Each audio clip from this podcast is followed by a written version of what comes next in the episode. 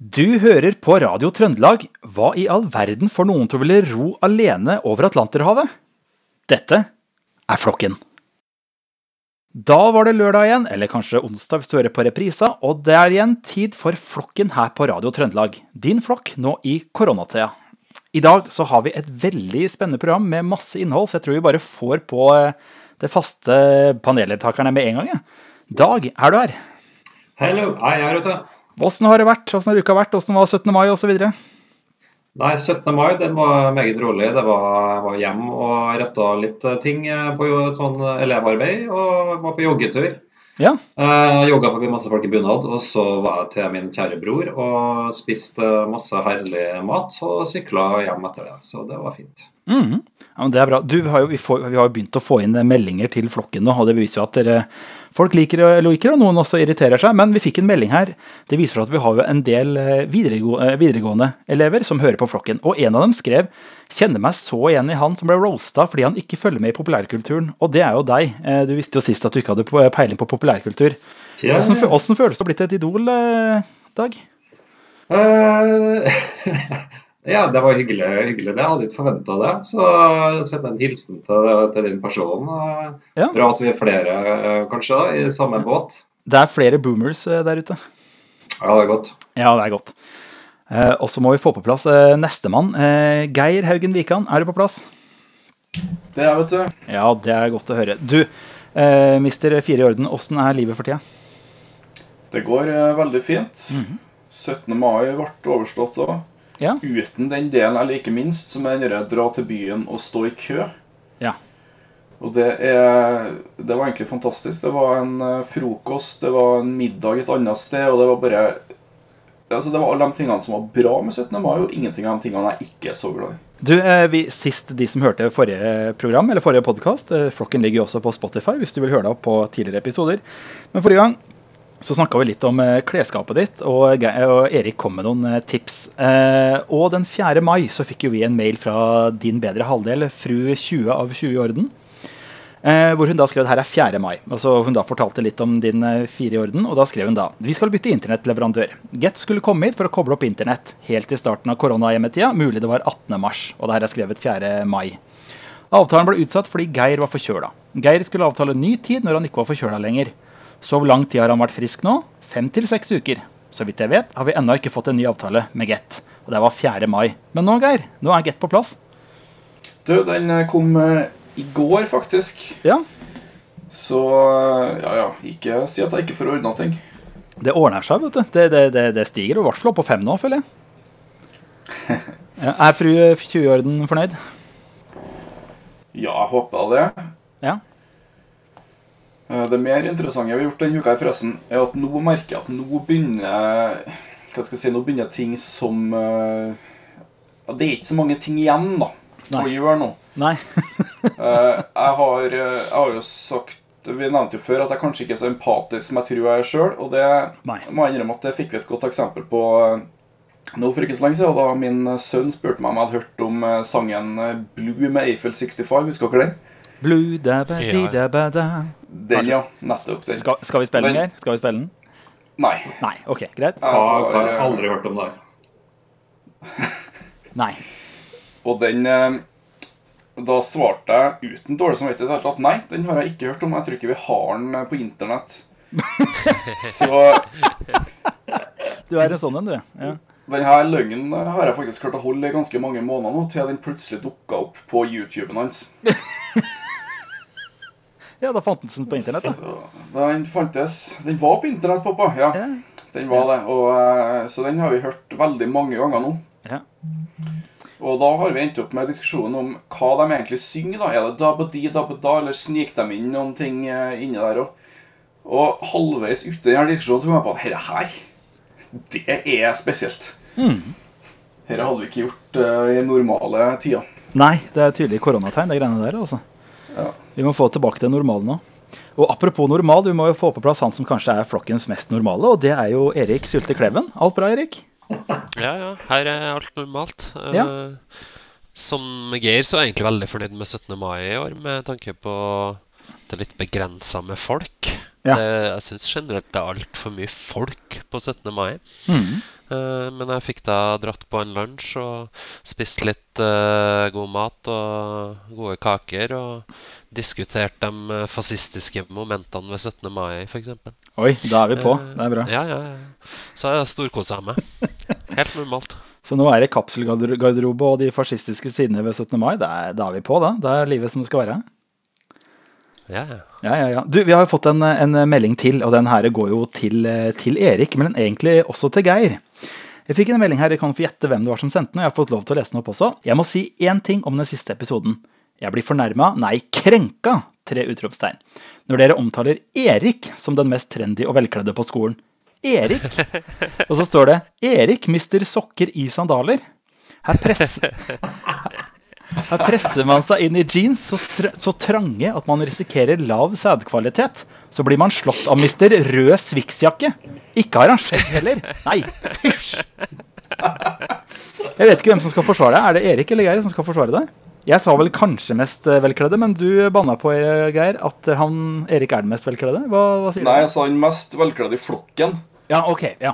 Og der har han jo virkelig ingen konkurranse i det hele tatt, da. Nei. Så det mener jeg var relativt uh, ukontroversielt.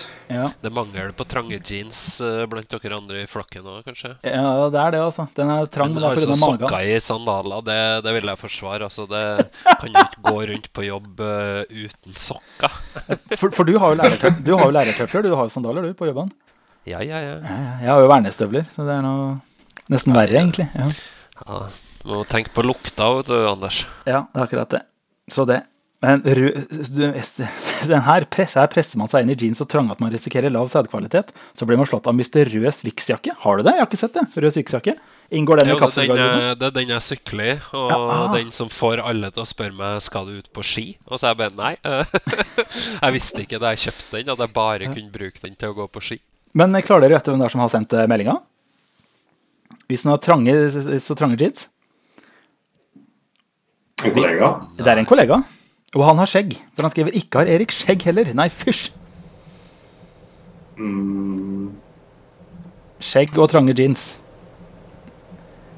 Det er Karl Arne, så vi får sende en liten hilsen til en fast lytter som heter Ja, Karl Arne. ja. Ja. Så han, gir, han vil gjerne ta opp den kampen om å være mest velkledd, altså. Så det, Ja, jeg har jo ikke sko som ruller engang. nei, det er akkurat det. Så nå har vi altså I forrige episode så klarte vi å irritere på oss på en, en jeg kjente før, en musiker, og nå har vi irritert oss på en kollega. Vi krenker folk, og det her, nå er eh, flokken der vi skal være. Men i dag så skal vi snakke om jeg Forresten, eh, Anders Olstad Lilling heter jo jeg, og jeg har jo hatt eh, bursdag den eh, 20. Så det, det var fint. Eh, eneste minuset, eller plusset, jeg syns det er et pluss. Det var jo en, eh, en bekjent som, som ikke er i familie, som glemte seg bort og ga meg klem. Så det blir jo spennende å se om to uker om jeg ligger med korona, eller om det går bra. Så det, det var en spesiell bursdagsgave. Men ja, nå er man 39, snart 40, så nå begynner 40-årskrisa før eller senere. Men vet dere hva? Faktisk usikker på om jeg hadde gitt deg en klem eh, selv om det ikke var korona. Ja. Det er, det er godt eh, Jeg tror du har gode klemmer, altså. Du har jo skjegg. Det kunne jo vært deg, da, med trange jeans og Men sånn er det. Men du, vet du hva, i dag skal vi ikke krenke noen, tror jeg. For i dag skal vi ha eh, I dag har vi en spennende episode, mine damer og herrer som nå sitter på, og de non-binære også. Fordi i dag har vi med oss en gjest som vi skal bli bedre kjent med. Eh, gjesten eh, skal gjøre noe så rart som å Eller så rart, det får vi se på, men skal i hvert fall, gjesten skal ro over Atlanterhavet. Og den gjesten heter Linda Evenstad Emilsen. Linda, hjertelig velkommen. Takk for det. takk for det. Yes, kan du fortelle litt om deg sjøl, Linda? Så liksom eh, lytterne av Radio Trøndelag vet det viktigste om deg. Hvem du er og hva du jobber med og sånne ting. Hmm, ja. Eh, hvis det er det viktigste Nei da. Mm. Eh, jo, jeg jobber i, på Høgskolen i Østfold. Mm. Er bosatt på Frøya utenfor Trondheim. Mhm. Jeg holder på med en doktorgrad eh, i språkvitenskap som jeg tar gjennom eh, NTNU i Trondheim. Hva er det du, hva er det du forsker på da? Eh, da forsker jeg på hvordan flerspråklige unger tilegner seg norsk som andrespråk. Oi, Og på de grammatiske aspektene. ja. Altså hvordan de lærer seg det, slett det grammatiske i sammenligning med deres eget eh, eller morsmål eller foreldrenes språk, da, eller?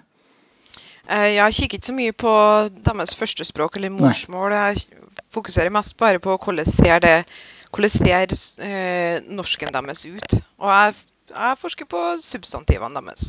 Ja, riktig. Spennende. Og nå altså nå altså, Jo, eh, og så har du også studert eh, sammen med Geir, så må jo bare stille det aller viktigste spørsmålet i dag. La du noe merke til Geirs fire i orden da du studerte sammen med Geir? Nei. Nei. Jeg kan ikke si det. Nei. La du merke til Geir i det hele tatt? Ja.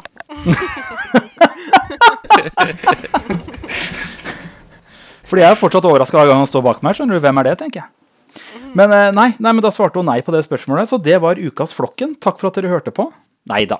Nei, nå er vi på skøyehjørnet. Vet du hva, Linda? Du skal jo gjøre noe ganske spesielt, som sagt. Du skal jo rett og slett ro over Atlanterhavet. Du, kan du, hva er dette opplegget for noe? Hva, er, hva slags opplegg er du har blitt med på? Ja, hva er rammene for det? Ja, eh, jeg skal ro i et organisert eh, løp, eller en organisert konkurranse, som heter Talisker Whisky Atlantic Challenge. Um, det er en konkurranse som nå arrangeres årlig, uh, og hvor man da deltar i, i lag fra solo opp til at man er fem stykker i hver båt. Mhm. Den løpet går fra La Gomera, en av de minste Kanariøyene, og over til Antigua i Karibien. -hmm. Og da ja, ror man. Man ror eh, Man starter å ro, og så ror man bare.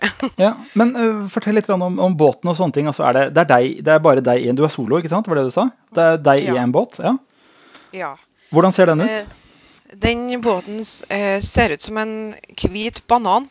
Eh, som er litt tjukk i hver ende. Mhm. Eh, for det er da kabinene. Den, båten har to kabiner inn i hver ende. ja, Og den ene vil være hvor jeg kan sove, og den andre vil være der hvor jeg kan ha litt utstyr. Og ellers så sitter du på et eh, sånn rosete sånn på eh, romaskiner som fer fram og tilbake. Ja. Så er den, det er jo relativt stor til å være robåt, men det er jo en liten båt for det. Ca. sju meter lang. Og hvor stor var det du sa at den var da? Hvor lang Cirka cirka? sju meter. Ja, ja. Eh, Vet du hvor mange du kommer til å dra ut på ferd sammen med? Altså, er det liksom et heat som drar samtidig, eller er det forskjellige tider, eller åssen er det organisert? Vet du det? Ja, det vet jeg. Uh, man starter uh, med fem minutts mellomrom, og de raskeste båtene, dvs. Si de med flest folk om bord, starter først. Mm. Uh, og jeg er jo alene, så jeg vil starte sikkert kanskje til og med helt sist. Mm. Og etter, etter noen få timer så ser du ikke folk lenger. Så vi, vi starter ikke med så lang tids mellomrom, men man blir spredd for alle vinder, for å si det sånn. Og, Mm. eh, og du, du ser ikke de andre båtene i løpet av hele overfarten. Det vil være flere nautiske mil mellom, og man har så liten fart at man ikke har sjanse til å nå hverandre uansett. Mm. Jeg, så, det stod, eller, jeg har vært i et intervju med deg i eh, Adressa, eller eh, TRD by, som det heter. Der står det at i disse dager forbereder Linda seg både mentalt og fysisk til å skulle ro alene over Atlanterhavet i desember 2022. Hvordan er det du forbereder deg til det her mentalt og fysisk? Ja, det, En del av det mentale er jo å planlegge og finne ut av hva det egentlig skal gjøre. Mm. Eh, for jeg har bestemt meg for at jeg skal ro over Atlanterhavet, men, og jeg skjønner jo at jeg skal sette meg i en båt og ro. Mm. Men, eh, men hva er det egentlig det innebærer av eh, alt det andre? Hva, hva, er det, hva er det jeg skal gjøre, bortsett fra å sitte der? Og hvordan klarer man å sitte der så Ja. lenge? Ja, ja, for det, ja, for det står at du skal ro i to, mellom, jeg regner med at du skal ro i mellom 12 til 15 timer hver dag. Ja. Ja. I Så- hvor mange dager? Jeg regner med å bruke mellom to til tre måneder. To til tre måneder. er Ja. såpass, ja. Ja. Så er det opptil 90 dager med roing, 12-15 timer hver dag. Ja. Ja. Um, så jeg forbereder meg på Jeg prøver å finne ut av lære mest mulig om det, og jeg er jo tidlig i fasen. Jeg, Mm. jeg liker å planlegge, liker å ha god tid og liker å kunne gjøre ting Mm. Visste hva jeg går til. Så nå prøver jeg å lære mest mulig, lese mye ja, biografier og beretninger fra andre havroere. Eh, Mm. Ser mye dokumentarer og prøver å lære sånn. Og så, og, og så ja, utsette meg sjøl for eh, ubehag. Både i form av ting jeg er usikker på, føler meg utrygg på og eh, blir litt nervøs av eller urolig av, eller et eller annet sånt. Eh, nye ting å håndtere.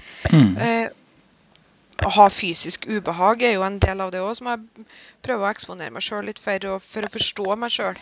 Hvordan jeg reagerer når jeg har fysisk ubehag. Ja, Hvordan er det du utsetter deg for det? Hvordan er det du frammaner det? Ja, øh, nå har ikke jeg gjort det så mye, men, Nei, nei. eh, men jeg har jo begynt litt med bl.a. at når jeg sitter på bussen, at jeg, setter, jeg blir lett øh, bilsjuk på bussen. Mm. Så, øh, men da i stedet for å ta av meg klær og skynde meg å gå av bussen, så s- snørper jeg på meg klærne litt ekstra og setter på en stopp ekstra. Ja. Blant annet, sånn at det blir litt ekstra eh, ekstra kvalme. Ja, ja, ja. ja. Det er Får du vært noe på buss nå, da? Nei, lite med det nå. Mm. Men hvordan er det? det må jeg, eh, ja, hadde du spørsmål fra Erik først, kanskje? Nei, Jeg vet ikke. Jeg tenker mm, Ja, Geir, når opplever du fysisk ubehag? Har du noen tips til situasjoner hun kan oppsøke?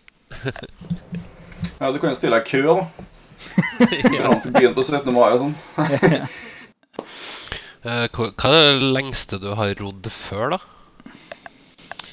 Eh, jeg har rodd i fjor sommer, så rodde jeg på to eh, litt sånn lengre turer i hermetegn. Da rodde jeg rundt Vekna, hjemplassen min, og det tok tre dager. Da rodde jeg sammen med kjæresten min. eh, og så rodde jeg senere på sommeren rodde jeg alene rundt Frøya, og det tok også tre, tre dager. Da rodde jeg sånn ti timer om dagen. Ja. Men eh, hvordan blir det for Siden vi er nå midt oppe i koronatida og sånne ting. Og, hva, hva skjer altså, Hva slags Jeg vet ikke om det heter følgeapparat, men hvis du f.eks. skulle bli dårlig ute på turen der, altså, hvordan kommuniserer man da med hjelpemannskap på en måte og sånne ting? Eller hva det heter for noe? Altså, hvordan løser man det? Hvis du skulle få et illebefinnende, eller Ok, Hvis det er en nødsituasjon, så, så har du jo nødpeilesender som du kan løse ut. Ja. Og så håper du at det er noen båter i nærheten som kan komme. og Ja. Men det er to seilbåter som følger flåta over. Um, men de følger oss de, de, de, følger, de er spredd på hele flåta, så, så det kan ta, de sier det kan ta opptil to uker før de når meg. Oi, såpass, ja. Eh, ja. Ja, så det er ikke Du prøver å eliminere eh, risiko og farer, Mm. heller enn å satse på at du blir redda hvis det oppstår. Mm.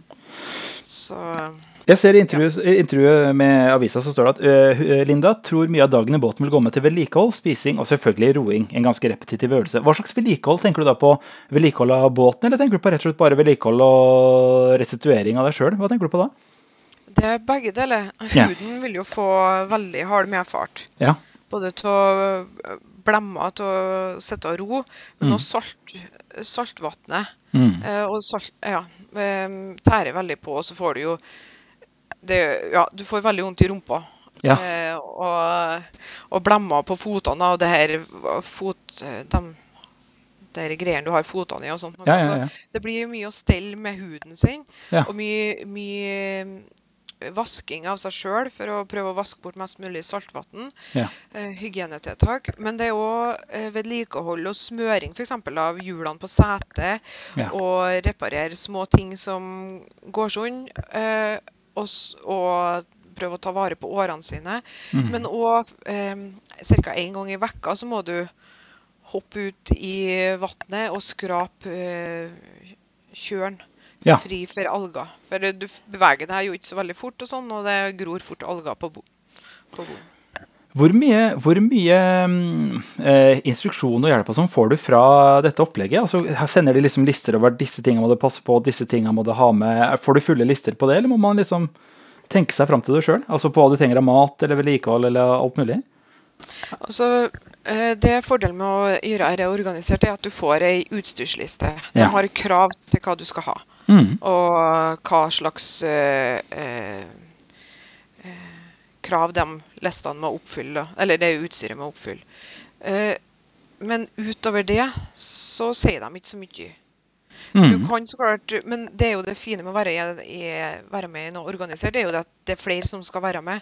Ja. Så man kan snakke i lag, og man kan, kan lære av folk som har gjort det før. Og sånt noe. Og det er jo mye det er mye det man gjør, da. Lære av andre folk. Men Mm. du, du må finne ut av det sjøl. Ja.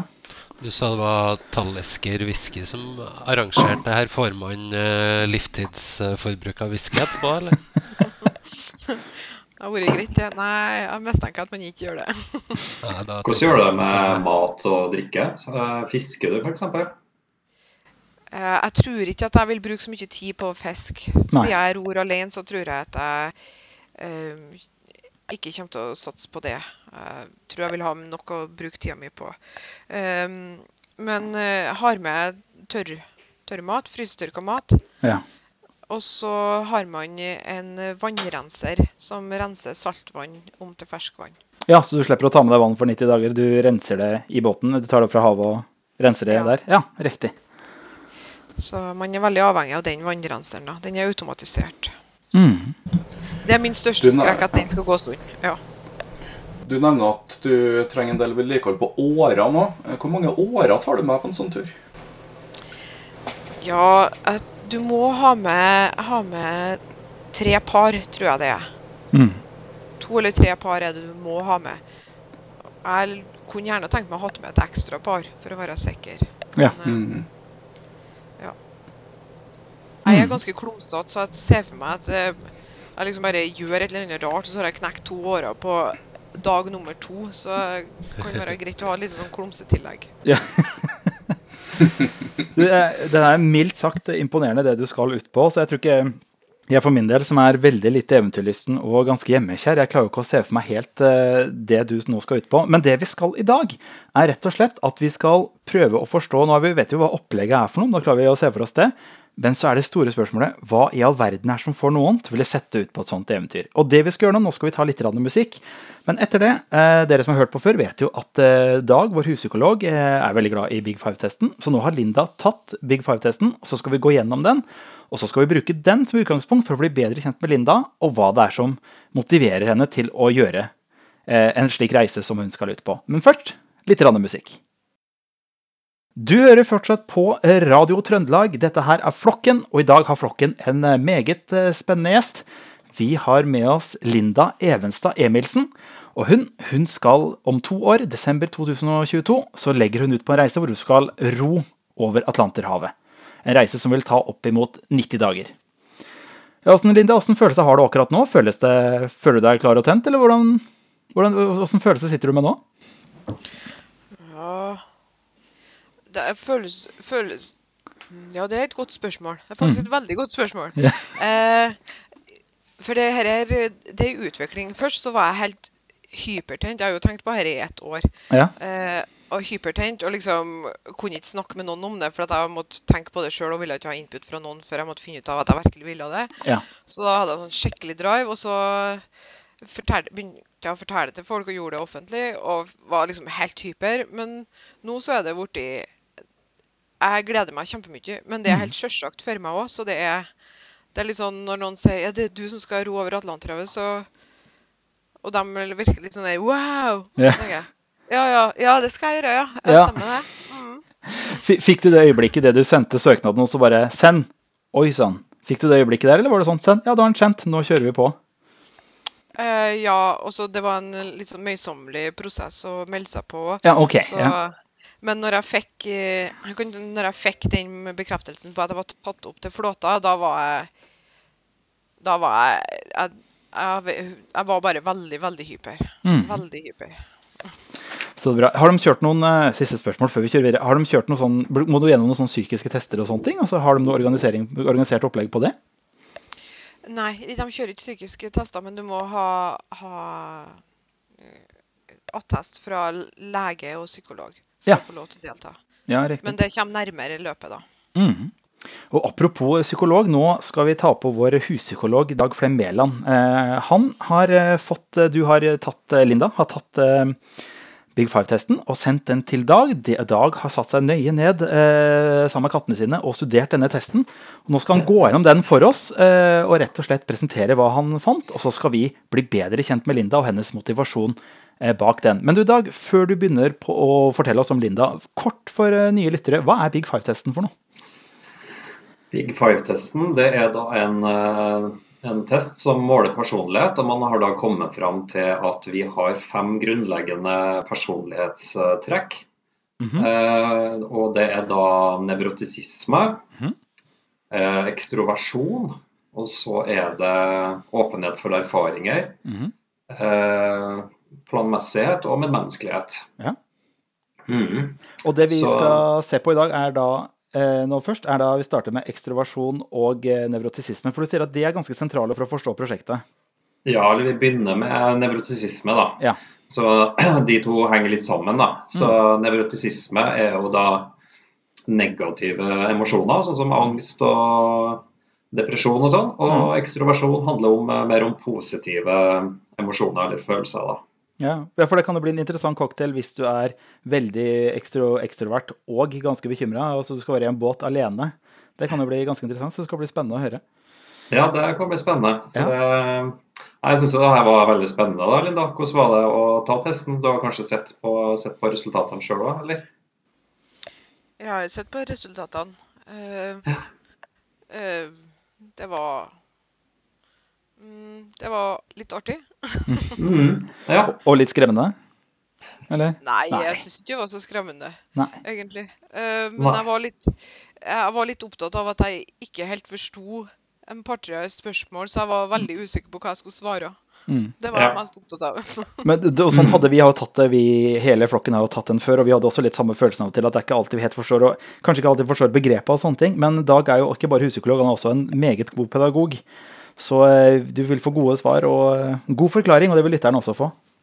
Dag, skal vi kjøre på? ja. eh, Jeg tenkte vi skulle begynne med nevrotisisme, da. Mhm. Og jeg tenkte jeg skulle ta det litt sånn via norsk litteratur. Det er jo en veldig kjent roer i, i vår litterære kanon, da. Jeg vet ikke om du, Det er et diktverk, da. Jeg vet ikke om du, eller et dikt. Jeg vet ikke om du vet hvem det kan være? Som rodde Terje til Ja, det er Terje Vigen, vet du. Og der, det diktet begynner jo sånn som det her, da. Det bodde en underlig gråsprengt en på den ytterste nøgne ø. Han gjorde visst intet menneske men, verken på land eller sjø. Dog stundom gnistret hans øyne stygt, helst mot urolig vær. Og da mente folk at han var forrykt, og da var det få som uten frykt kom Terje Vigen nær. Så da tenkte jeg litt eh, om du også var en litt sånn ja, Om det ligger et slags sånn temperament i bunnen her, da, eh, eller ikke. Eh, og det har vi vel funnet ut, det viser vel testen, at det egentlig ikke gjør i veldig stor grad. Du har da en score som er litt under snitt, som da sikkert er en fordel hvis du skal ut på noe så farlig, og, eller i hvert fall så ja, noe som kan opp, oppleves som skummelt, litt skummelt. da. Hvis du hadde vært en stor nevrotiker, så hadde du kanskje ikke gjort det. Så du har, eh, du har lavest score på angst. Mm. Uh, og Der har du 5 av 20, da. Mm. Og det tenker jeg kanskje er litt uh, Tror du det er kan være en fordel, skal du si, og når du skal ut og ro og ikke være veldig engstelig? Er det noe du kjenner igjen i? Ja, det der med å være liksom ikke Ja, hvis du er ute på havet, hvordan er det? Føler du på angsten? Er det noe du bekymrer deg for med turen, Linda? Noe du tenker på, eller tror du, tror du det vil gå greit? Um, det jeg tenker mest på, er om jeg må bryte fordi at uh, noen rare tekniske greier skal, skal gjøre at jeg ikke kan gjennomføre, at det blir utrygt å gjennomføre. Ja. Så det er sånn jeg uroer meg for. Mm. Men uh, ellers så er jeg ikke engstelig. Jeg skjønner at jeg kommer til å være redd, og at det kommer til å være skummelt. og og at jeg kommer til å være langt utenfor min komfortsone i det meste av tida. Mm. Men, men, eh, men det gjør ikke meg engstelig, det gjør ikke meg redd. Jeg bare prøver Men jeg tenker at det vil være en fordel å forstå meg sjøl Ja, ja, når jeg er redd best mulig, da. Men som vær, vær og vind, hvordan det, vil det kunne bli på turen? Og vær og vind og bølger og styr og sånne ting? Ja, det kan bli det, Man blir jo som regel utsatt for stormer Mm. eh, og høye bølger. Mm. Eh, mm, jeg vet ikke hvor, eh, om det var de høyeste bølgene de hadde i, i år. Men det var i hvert fall noen som fortalte at de hadde 12 meter høye bølger. Så det er noe, det er noe litt mer enn hva, hva som er dagligdags. Så det er jo ekstremt. Da står det tolv meter bølger rundt deg, rett og slett, da, for å si det sånn. Ja. Ja. Og, Mm. og båten, det er jo bølger som kaster rundt båten og sånn. Så, Mm. Men eh, jeg, jeg blir ikke urolig av det. Jeg skjønner at det kommer til å være skre skremmende. Og Ja. det kommer, jeg sikkert kommer til å rope på mamma når jeg ligger inne i kahytta der også. Det, Ja, ja, ja. Men, men eh, Du låser bare inn, da, liksom, og så stenger døra, og så venter til stormen er over, eller? ja. Og så Mhm. kaster du ut et drivanker for å begrense avdrifta. Dag eh, ligger under dyna og roper på mamma på en helt vanlig torsdag, så det, den tror jeg vi alle kjenner på innimellom. Du, Erik, nei, Geir, har du spørsmål? Ja, det er, først og fremst ting som er utafor din kontroll, som du bekymrer deg for. Ja, det er sant. Ja. Ja. Mm. Det er ikke noe penere. Ja. Eh, skal Eller- vi, mm. Ok, eh, Været er jo utenfor min kontroll òg, så Ja. det, blir, det er egentlig eh, Ja. De tinga ting du styrer over. Ja. Mm. Ja, altså vær og vind kan jeg bare holde ut i, mens Ja. uh, går vannrenseren sund og ikke har noe backup, så, Ja. Så skjønner jeg òg at jeg kan ikke være noe mange dager ute på sjøen før Nei. det blir kritisk. For båten er konstruert sånn at hvis du snurrer rundt, så vil den snurre tilbake igjen, er det ikke det? Mm. Ja, så det går jo fint. Rette seg opp igjen. Ja. Dag?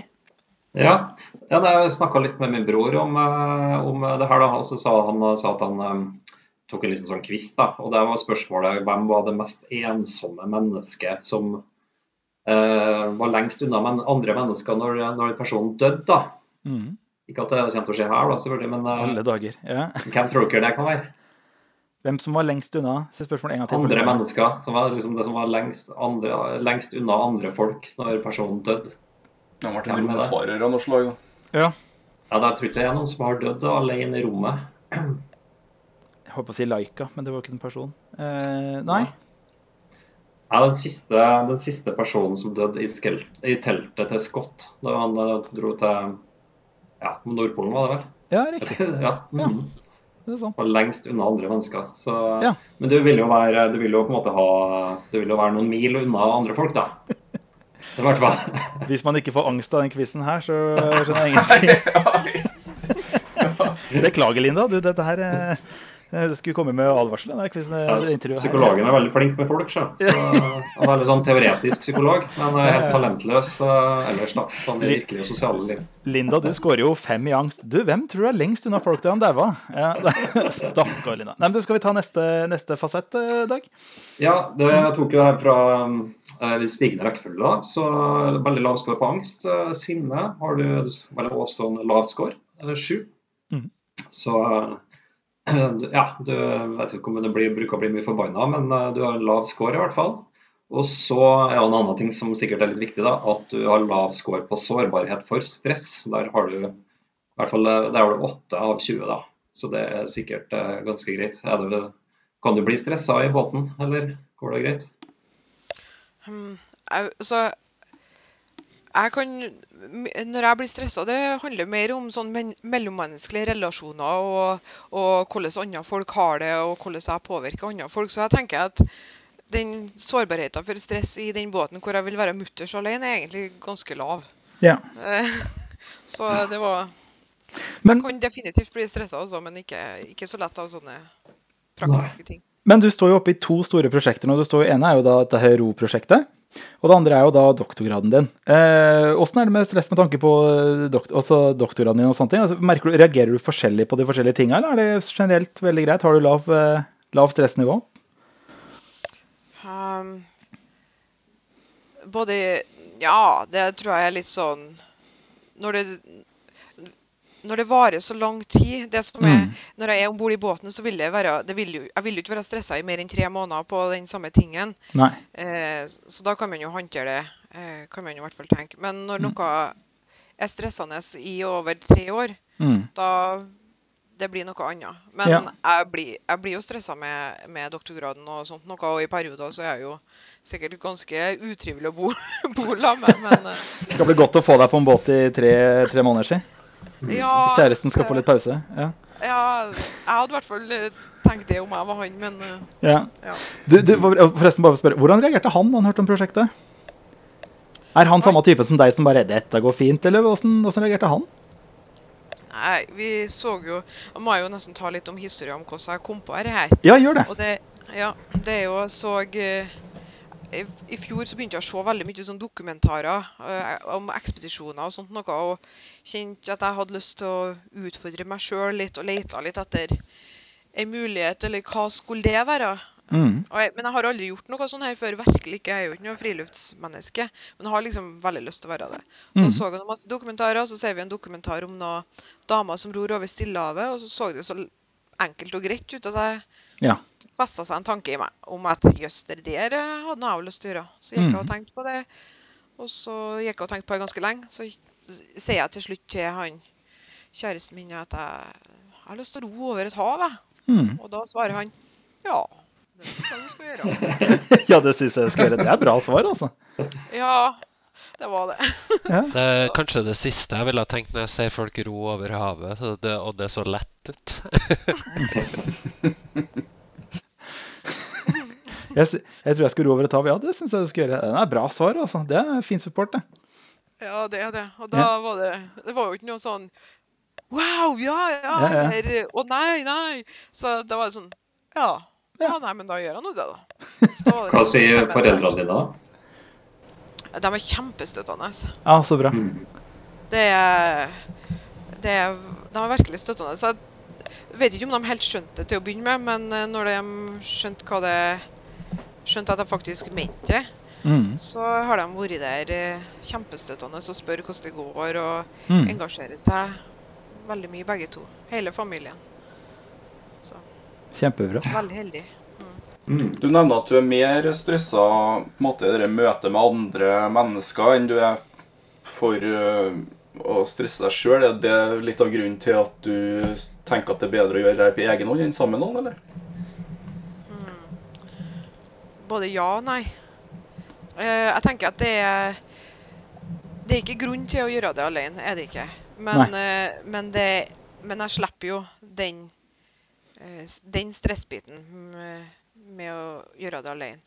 Men samtidig så har jeg egentlig kunnet tenkt meg å gjort det sammen med noen på en måte òg, for å utsette meg for den typen stress. For jeg gjør jo gjør jo ikke dette for å ha det komfortabelt eller ja, eller bare surfe gjennom. Jeg gjør det jo for å ha det maksimalt uh, ubekvemt og lære meg å håndtere det og se hva som skjer når man har det Når man bare må håndtere ting. Så sånn sett så har det vært veldig, veldig fint å være flere òg. men, uh, men det er en liten lettelse å ikke ha med noen nå. Ja, ikke sant det. Har, har du en fasett til, eh, Dag? Ja, uh, impulsivitet, det vil da si at du, om du har lett for å falle for fristelse eller ikke, er det på snitt, og på selvbevissthet, som er sånn ja, tendenser som å føle skam i sosiale situasjoner, helt på snitt. Men du er litt høy på depresjon, der har du 14 av 20. Så det kan jo være at du virker som en litt sånn klassisk eh, sjømann eller sjøkvinne. Sånn lite engstelig, men eh, kan være litt mørk, på en måte. Eller i hvert fall så har du litt eh, oversnitt på depresjon, da. Mm.